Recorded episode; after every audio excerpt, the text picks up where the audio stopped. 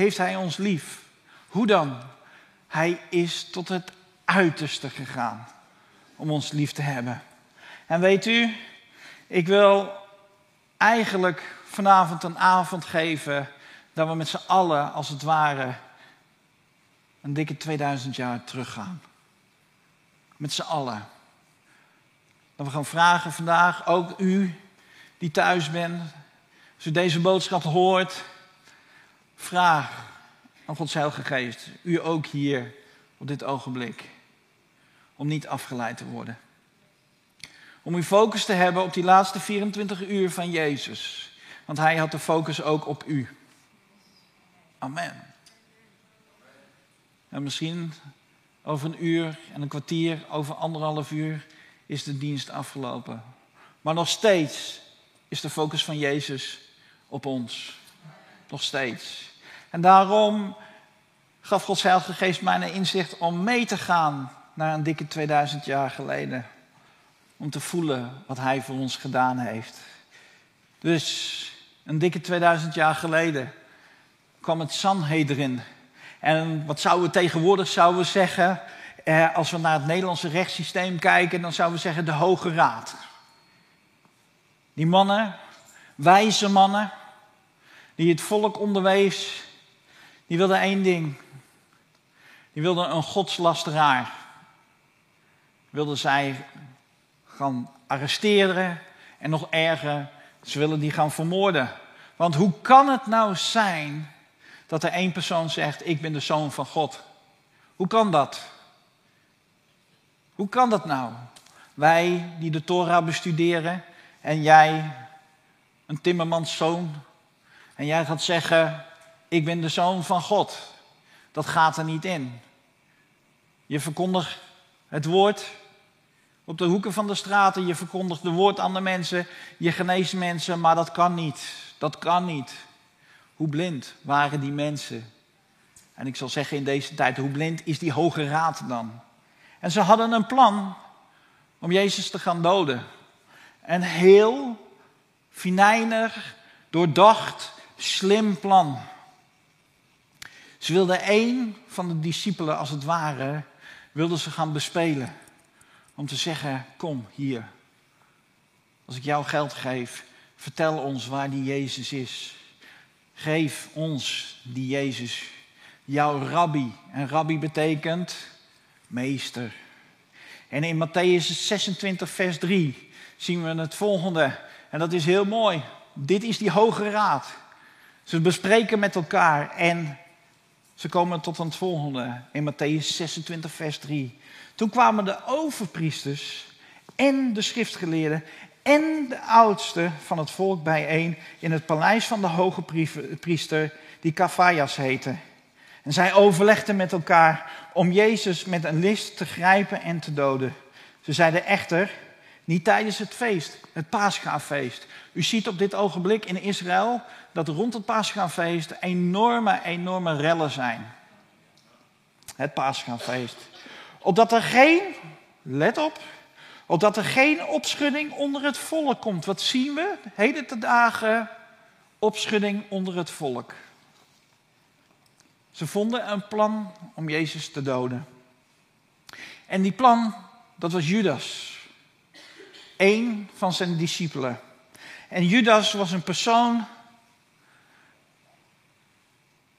Als je het verder onderzoekt, hij was eigenlijk verslaafd aan geld. Maar hij had, tevens had hij ook één grote teleurstelling. Want hij dacht, zijn rabbi, zijn meester, die zal Israël gaan verlossen van de Romeinen. Want hij is immers de koning der koningen. Dus als je koning der koningen bent, kan je alles en iedereen kan je aan. Dus eindelijk, hè, hè, eindelijk zullen we verlost worden van die vervelende, smerige onderbezetters, die Romeinen. Maar wat hij niet begreep in die drie jaar dat hij samen met Jezus liep, dat Jezus liefde is. Jezus komt niet met geweld. Zijn kracht is Gods liefde. En het gebeurde niet. En het gebeurde niet. En het gebeurde niet. En als je verslaafd bent aan geld en je teleurstelling is groot, 1 en 1 is 2 toch?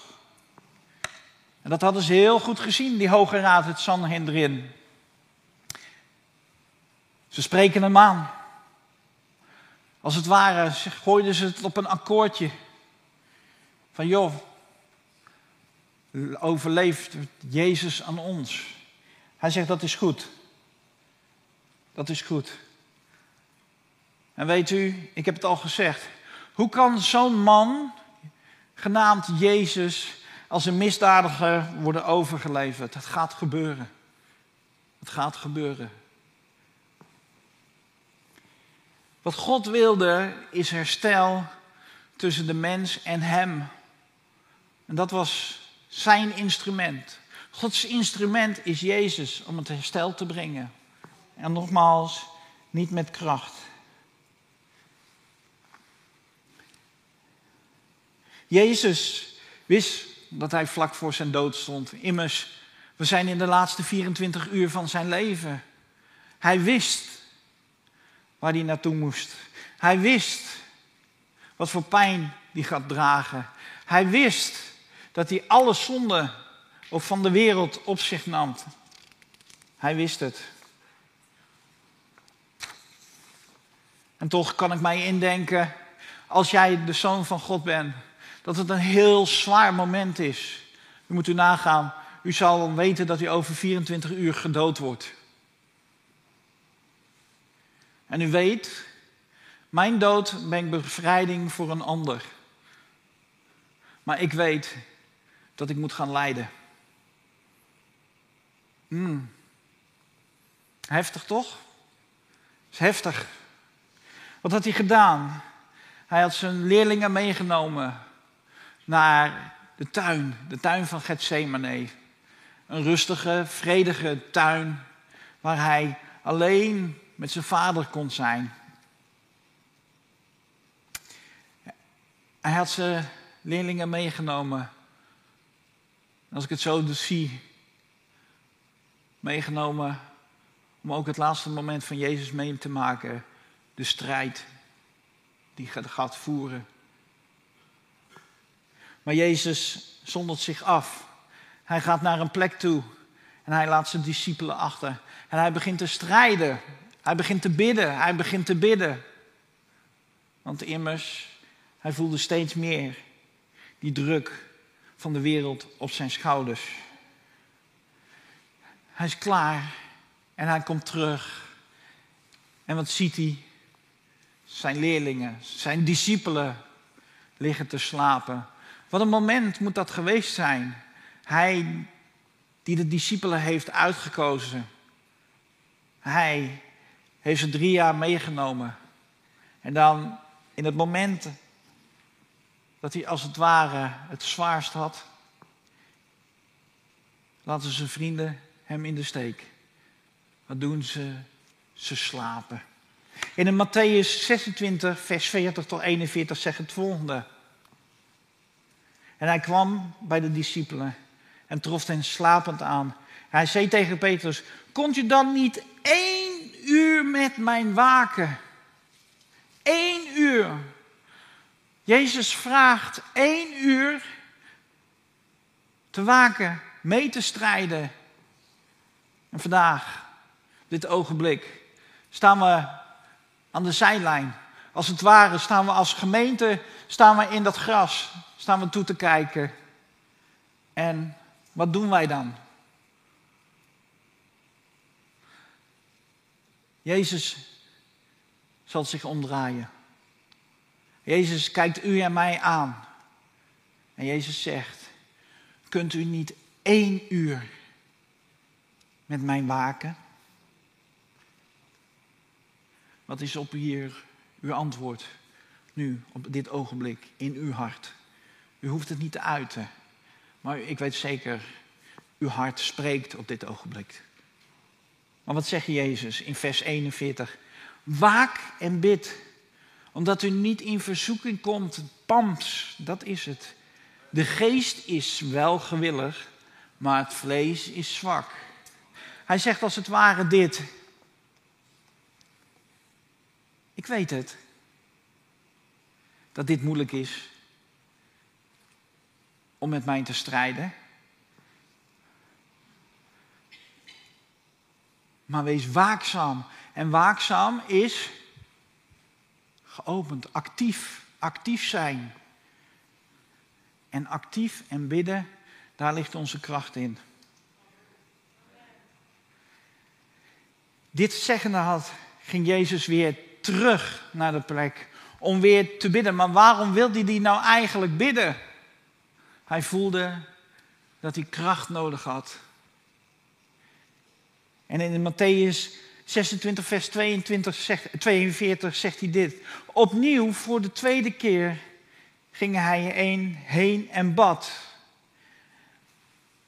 Mijn vader, als deze drinkbeker aan mij niet voorbij kan gaan zonder dat ik hem drink, laat dan uw wil dan toch geschieden. Met andere woorden, een, een, een, kort, een kort momentje, een kort momentje voelde hij angst. Dat moment was hij op een top mens. En hij zegt tegen zijn vader: Vader, het, het, het, liefste, het liefste wat ik het allerliefste nu zou willen op dit ogenblik, is die smerige gifbeker niet drinken. Want hij wist, als hij die smerige gifbeker ging drinken, dat de binnenkant helemaal, mag ik zeggen, verrot werd. Binnenkant verrot. Hey, wat is er aan onze binnenkant nog niet goed? En dan zegt Jezus ook dit. Direct daarop zegt hij dit. Maar vader, niet mijn wil, maar uw wil geschieden. Direct komt hij weer terug in de autoriteit die God hem gegeven had. Maar hij bad. En hij bad. Hij begon te zweten, zo erg te zweten dat zijn zweet veranderde in bloed. Dat is een heftig moment. Een heftig moment. Zoveel angst is er dus bij die Jezus, bij onze Jezus. Dat zijn zweet veranderd werd in bloed. Ik geloof dat we met z'n allen enorm gezweet hebben. Maar ik heb nog nooit gezweet dat werd veranderd in bloed. En toch zullen we in ons leven zullen we momenten hebben gehad van angst. Toch, mijn broer, mijn zus? Uw oudere generatie. Einde van de oorlog. Oudere generatie die thuis zit. Misschien hebt u wel nog het einde van de oorlog meegemaakt. Misschien onder u hebben in het Jappenkamp gezeten. Angstmomenten. De andere, andere ouderen onder ons, die hebben misschien de Duitse bezetting nog meegemaakt. Momenten van angst, maar toch geen zweet dat veranderd werd in bloed. Hoe groot, hoe groot is die angst van Jezus op dat ogenblik? ik kan er niet bij. Maar toch heeft hij het gedaan. Nadat hij gebeden had, ging hij terug naar zijn leerlingen. In het donker, in dat donker, als we het plaatje zien, daar achter ons in het donker stonden mannen klaar. Gewapend, met zwaarden en met stokken. Want wat wilden ze? Het volgende moment. Die mannen die komen uit het donker. En ik zal het wapengekletter zal je gehoord hebben. De Hoge Raad, de, de, de, die, die, die, fariseeërs, die waren erbij. Want ze wisten, dit was het moment dat we die Jezus te pakken gaan nemen. Dit is het moment dat die Judas Jezus gaat aanwijzen. En dat gebeurde ook. Matthäus 26, vers 49 zegt het volgende. En hij ging meteen naar Jezus toe. Hij ging naar Jezus toe en we zien het op deze foto. En hij begroette hem en hij zei, Rabbi. En hij kuste hem op zijn wang. Maar Jezus zei in vers 50 het volgende. Maar Jezus zei tegen hem, vriend, waarom bent u hier? Dat toont je alleen al. Vriend, niet mijn broer, niet mijn leerling. Jezus staat in de autoriteit. Hij zei, wat doe jij hier? Hij wist het al lang. Want later zullen we lezen dat Jezus het voorspeld had dat hij verraden werd. Maar Jezus zei tegen hem, vriend, waarvoor bent u hier? En toen kwamen zij dichterbij, sloegen de handen aan Jezus en grepen hem. Bams. Jezus gevangen. En hij wist, vanaf dit ogenblik gaat mijn leidersweg nu echt beginnen. En het gebeurde dat die discipelen om Jezus heen stond. En dat er iemand uit die groep van die discipelen kwam en die, die, die was kwaad. Die pakte een zwaard van een slaaf, die pakte die en pams. Hij sloeg uit met het slaaf, met het zwaard. En het oor van als het ware van die persoon, want hij zag die andere persoon als de tegenstander. Die oor die werd afgesneden. Maar zelfs in dat moment zegt Jezus het volgende. Doe het zwaard weg. Want alle die naar het zwaard grijpen, zullen sterven met het zwaard. En hij spreekt tot de discipelen en hij zegt: Denken jullie niet dat ik tot mijn vader kan bidden? Hij zal meer dan twaalf legioenen engelen ter beschikking stellen. Als het ware zegt hij: hey, ik hoef alleen maar dit te doen. En een legioen. Niet één legioen is al veel. Nee, wat staat er hier? Twaalf legioenen. Bams. Zo. Je hoeft het woord maar te geven. Want ik geloof op dat ogenblik dat, dat, dat God ook, ook afstand voelde. Dat hij begon te voelen dat de afstand tussen hem en zijn zoon steeds groter werd. Want het moest gebeuren.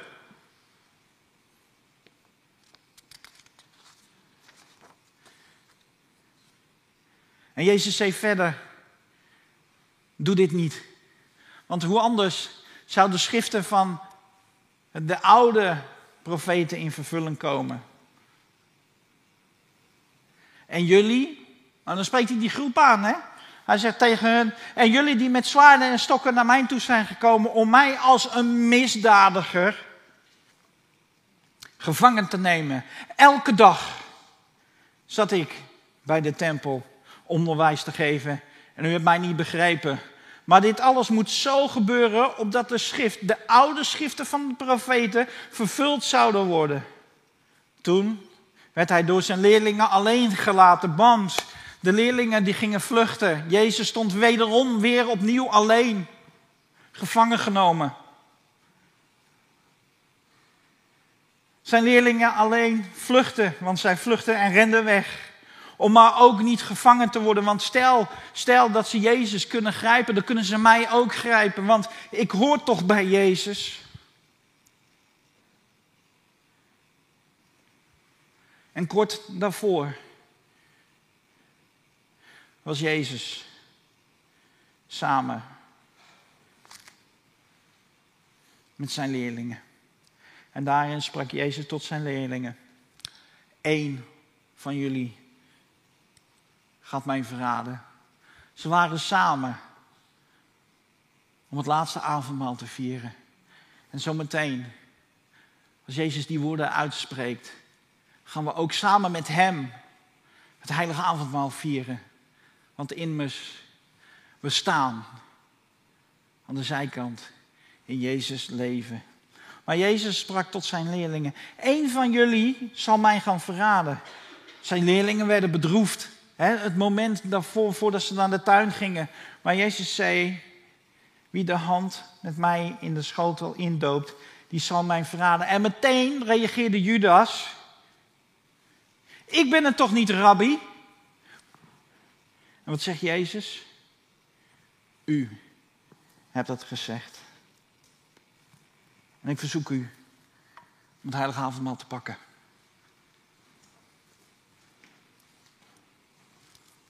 En het te openen.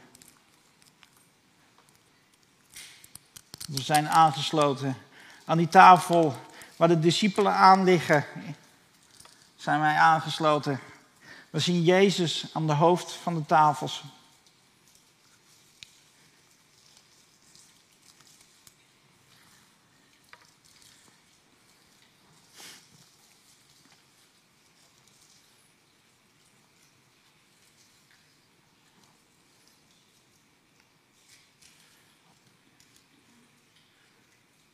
Bent u alle gereed?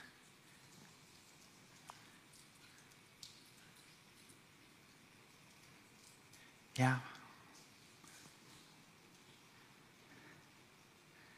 En terwijl zij aten, pakte Jezus het brood. Toen hij dit brood had gezegend, deelde hij dat met alle anderen. En als u kunt staan, staat u. En hij deelde het, het brood uit aan zijn leerlingen. Hij deelde het brood uit aan u op dit ogenblik. Jezus geeft het brood aan u. En wat zegt hij in de volgende woorden in Matthäus 26, vers 26 tot en met 28? En terwijl zij aten, nam Jezus het brood. En toen hij het gezegend had, brak hij het en gaf hij het aan de discipelen. En hij zei, neem, eet. Hij zegt tegen u, neem, eet, want dit is mijn lichaam. En zo, als Jezus het beveelt aan zijn discipelen, zo mogen we ook nu aan de tafel met Jezus zitten en het brood nemen. En wetende dat dit bevrijding geeft in Jezus' naam.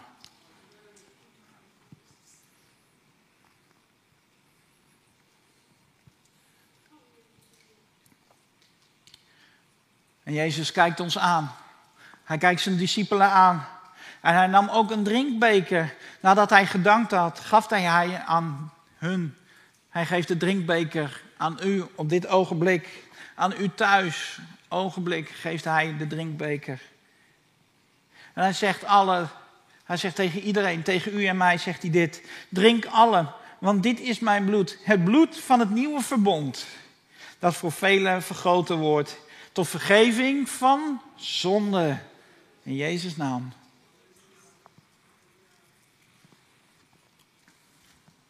En ze nuttigden de maaltijd. En Jezus zegt het volgens, gaat u maar zitten. De maaltijd is gegeten en Jezus zegt dit. Nadat ze maaltijd genuttigd hadden, sprak Jezus tegen zijn leerlingen. Het moment voordat ze in de tuin van Gethsemane waren. Jullie allen zullen in deze nacht een aanstoot aan mij nemen. Dan heb je net het brood gebroken, je hebt net uh, de wijn gedronken. En dan zegt Jezus, en te geen morgenlicht. Mijn discipelen, jullie zullen in deze nacht een aanstoot aan mij nemen. En we kunnen straks zien waarom. En er stond één iemand op en die zei: Al zouden zij ook alle een aanstoot aan u nemen, ik zal nooit aan een aanstoot aan u nemen. Nooit, nooit andere woorden. Peter stond op en die zegt: Rabbi, ik ga u niet verraden. Ik blijf u trouw. En in de uren, in de momenten dat wij het moeilijk hebben, en de situaties is zo hoog. Zijn we dan Jezus trouw aan zijn woord? Of onderwerpen wij ons aan de situatie? Want immers, we hebben het nieuwe verbond, hebben tot ons mogen hebben. Dus met andere woorden, Petrus stond op en, en, en Jezus zei tegen Petrus, Petrus, Voordat de haan kraait, zei je me drie keer, van, uh, drie keer mijn verlogenen. Nee, riep Petrus, al moet ik voor u sterven. Ik zal u beslist niet verlogenen. Hetzelfde, hetzelfde zeiden ook de discipelen. De discipelen zag één iemand opstaan en hun kregen moed, hun kregen kracht. En zeggen, nee, nee meester, nee rabbi. Wij, wij zullen voor u sterven. En we hebben zojuist gezien dat in die tuin van Gethsemane ze vluchten en Jezus stond daar alleen. En weer terug naar het moment dat Jezus weer alleen stond. Jezus werd gegrepen en, de leidde, en ze leidden hem naar het huis van Caiaphas, de hoge priester. Maar stiekem achtervolgde Petrus want Petrus wilde zien wat er met zijn rabbi, met zijn meester gebeurde. Die hoge raad, die zocht de valse getuigenissen om zo Jezus te kunnen vermoorden. Maar ze vonden niets. En toen kwamen er twee valse getuigenissen naar voren. En ze zeiden het volgende. deze Jezus, deze Jezus, zegt het volgende. Ik kan de tempel van God afbreken en hem in drie dagen weer opbouwen. Wauw, nou bams, hier hebben we hem. Want wie kan die tempel, de tempel, het huis van God afbreken en dan weer opbouwen? Dit is een schande. En een van de hoge priesters stond op en zei tegen Jezus: Wat is uw antwoord hierop, op deze getuigen? Maar wat deed Jezus? Hij hield zijn mond. En wederom sprak de hoge priester tot Jezus: Ik zweer bij de levende God dat u tegen ons hebt gezegd dat u de Christus bent, de zoon van God. En Jezus zegt tegen de priesters, tegen de hoge priesters: U hebt het gezegd. Verder sprak Jezus tegen de hoge priester het volgende: Maar ik zeg u, van nu af aan zult u de zoon des mensen zien zitten aan de rechterhand van God. De hoge priester werd kwaad. Hij, hij, hij werd kwaad, hij werd gefrustreerd. En, en als frustratie, als kwaadheid, scheurde hij zijn kleed uit. En sprak zo, zie nu, zie nu deze godslastering van God. De hoge priester zei het volgende. Wat denken jullie, is hij schuldig of niet? Verdient hij om gedood te worden? En ze spuwden hem in het gezicht. Ze sloegen hem in zijn gezicht en begon hem belachelijk te maken met de volgende woorden. Nou, profiteer dan wie u geslagen heeft. En Petrus zag dit. En Petrus zat buiten op de binnenplaats. En dan komt een dienstmeisje komt naar hem aan en die zegt: hey, maar wat, wat, wat, wat, wat, wat is dit? Maar jij bent toch die volgeling van die Galileër? Nee, nee, nee, je vergis je absoluut niet. Ik ben dit niet. En Petrus voelde nattigheid. Petrus trok zich langzaam terug naar achter. Hij zocht de poort, want poort, daar kan ik vluchten. En weer komt er een dienstmeisje naar hem toe. Hij zei, ja, ik herken je. En weer zei de Petrus, nee, dit, dit is het niet. En in Matthäus 26, vers 75 werd het volgende gezegd. En meteen kraaide de haan.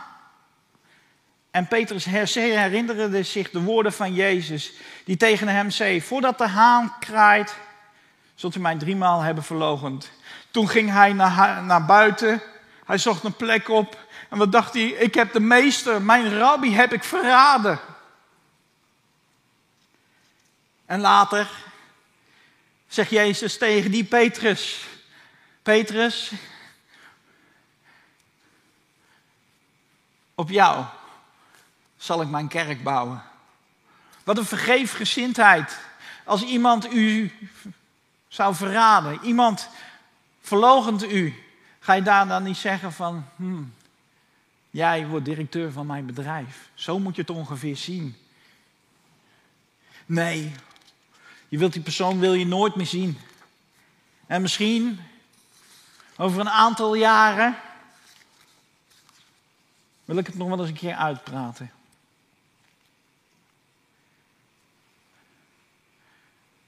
Ze zetten Jezus vast.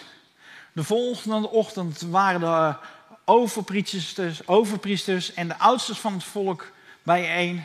En ze kwamen gezamenlijk tot het besluit om Jezus te doden. Als het ware, de kogel ging door de kerk. Bams, we hebben hem warm, we hebben hem willen. We gaan Jezus, die godslasteraar, gaan we doden. En Judas was erbij. En Judas zag dit alles. En hij kreeg berouw. Hij gooide die dertig zilverlingen gooide die weg. En we weten wat met um, Judas gebeurd is.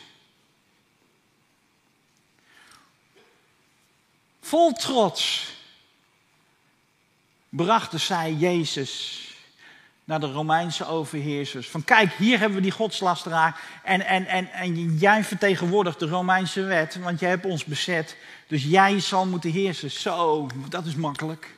Wij hebben onze handen in onschuld. Wauw. En zo werd Jezus voor Pilatus gebracht. En Pilatus zegt, u bent toch de koning der Joden? En wat zegt Jezus? U zegt het. Tegen Pilatus. Ook Pilatus probeerde Jezus te verleiden tot een antwoord, zodat hij ook een reden had om Jezus te laten vermoorden. Echter, ook dit lukte niet. De gewoonte was, het Pascha, wat we vieren, Pasen, Pascha in, in, in Israël, dat op bijzondere feestdagen een gevangene vrij werd gelaten. En zo deed Pilatus dat ook. Zo kan ik de rust bewaren. Hij stelde de volk voor de keuze. Mijn linkerhand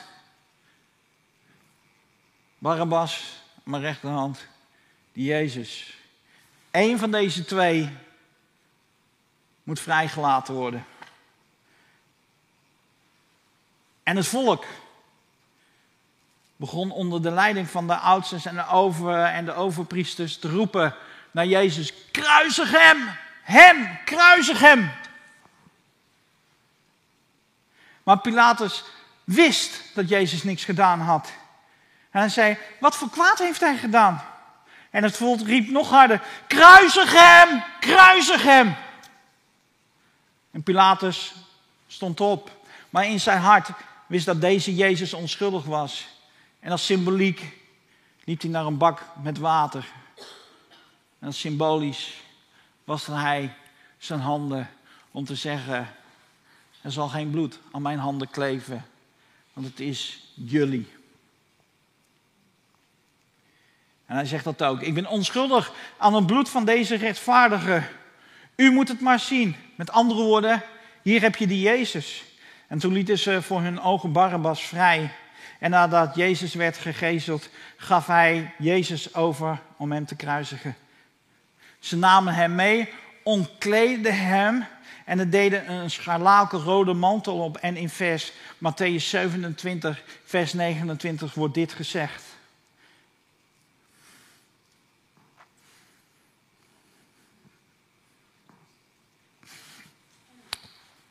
Ze vlochten een kroon van dorens, zetten die op zijn hoofd, gaven hem een rietstok in zijn rechterhand.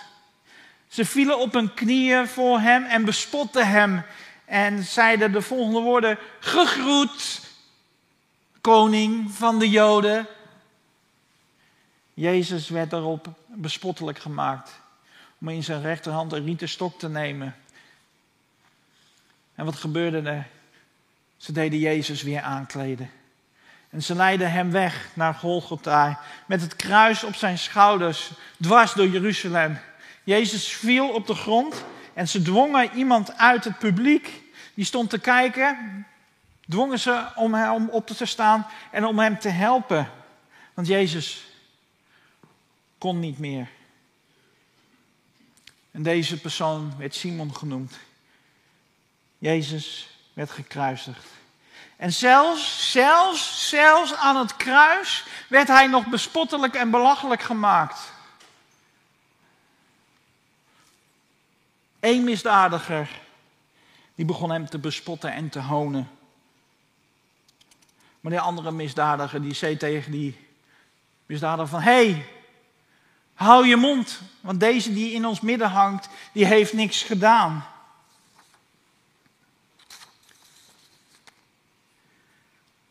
Want hij is onschuldig.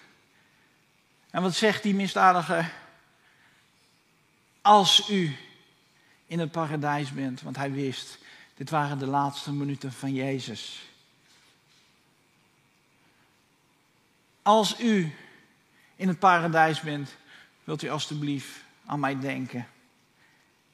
En Jezus zegt, heden zult u met mij wandelen in het paradijs. Lucas 26, Lucas 23, vers 46.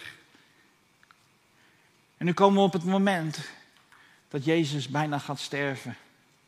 En we horen al langzamerhand, horen we zijn hartkloppingen, horen we gaan.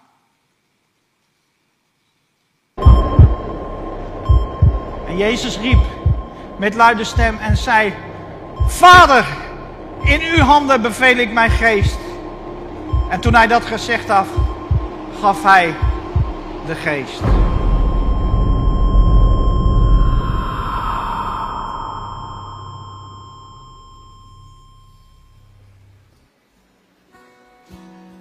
He is jealous for me.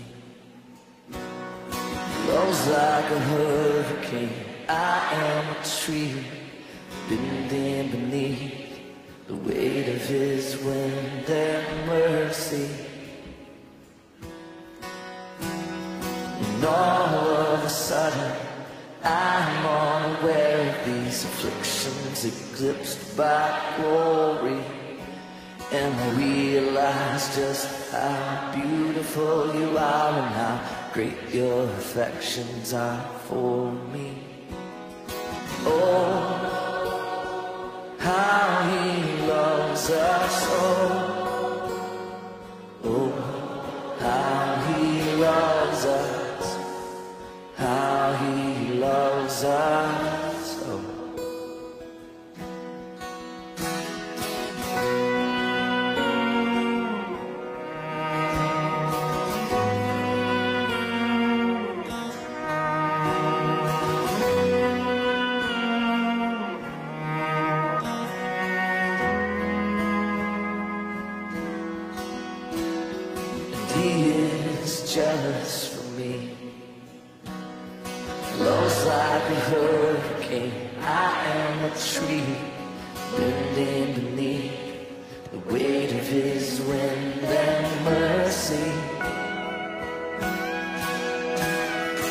all of a sudden I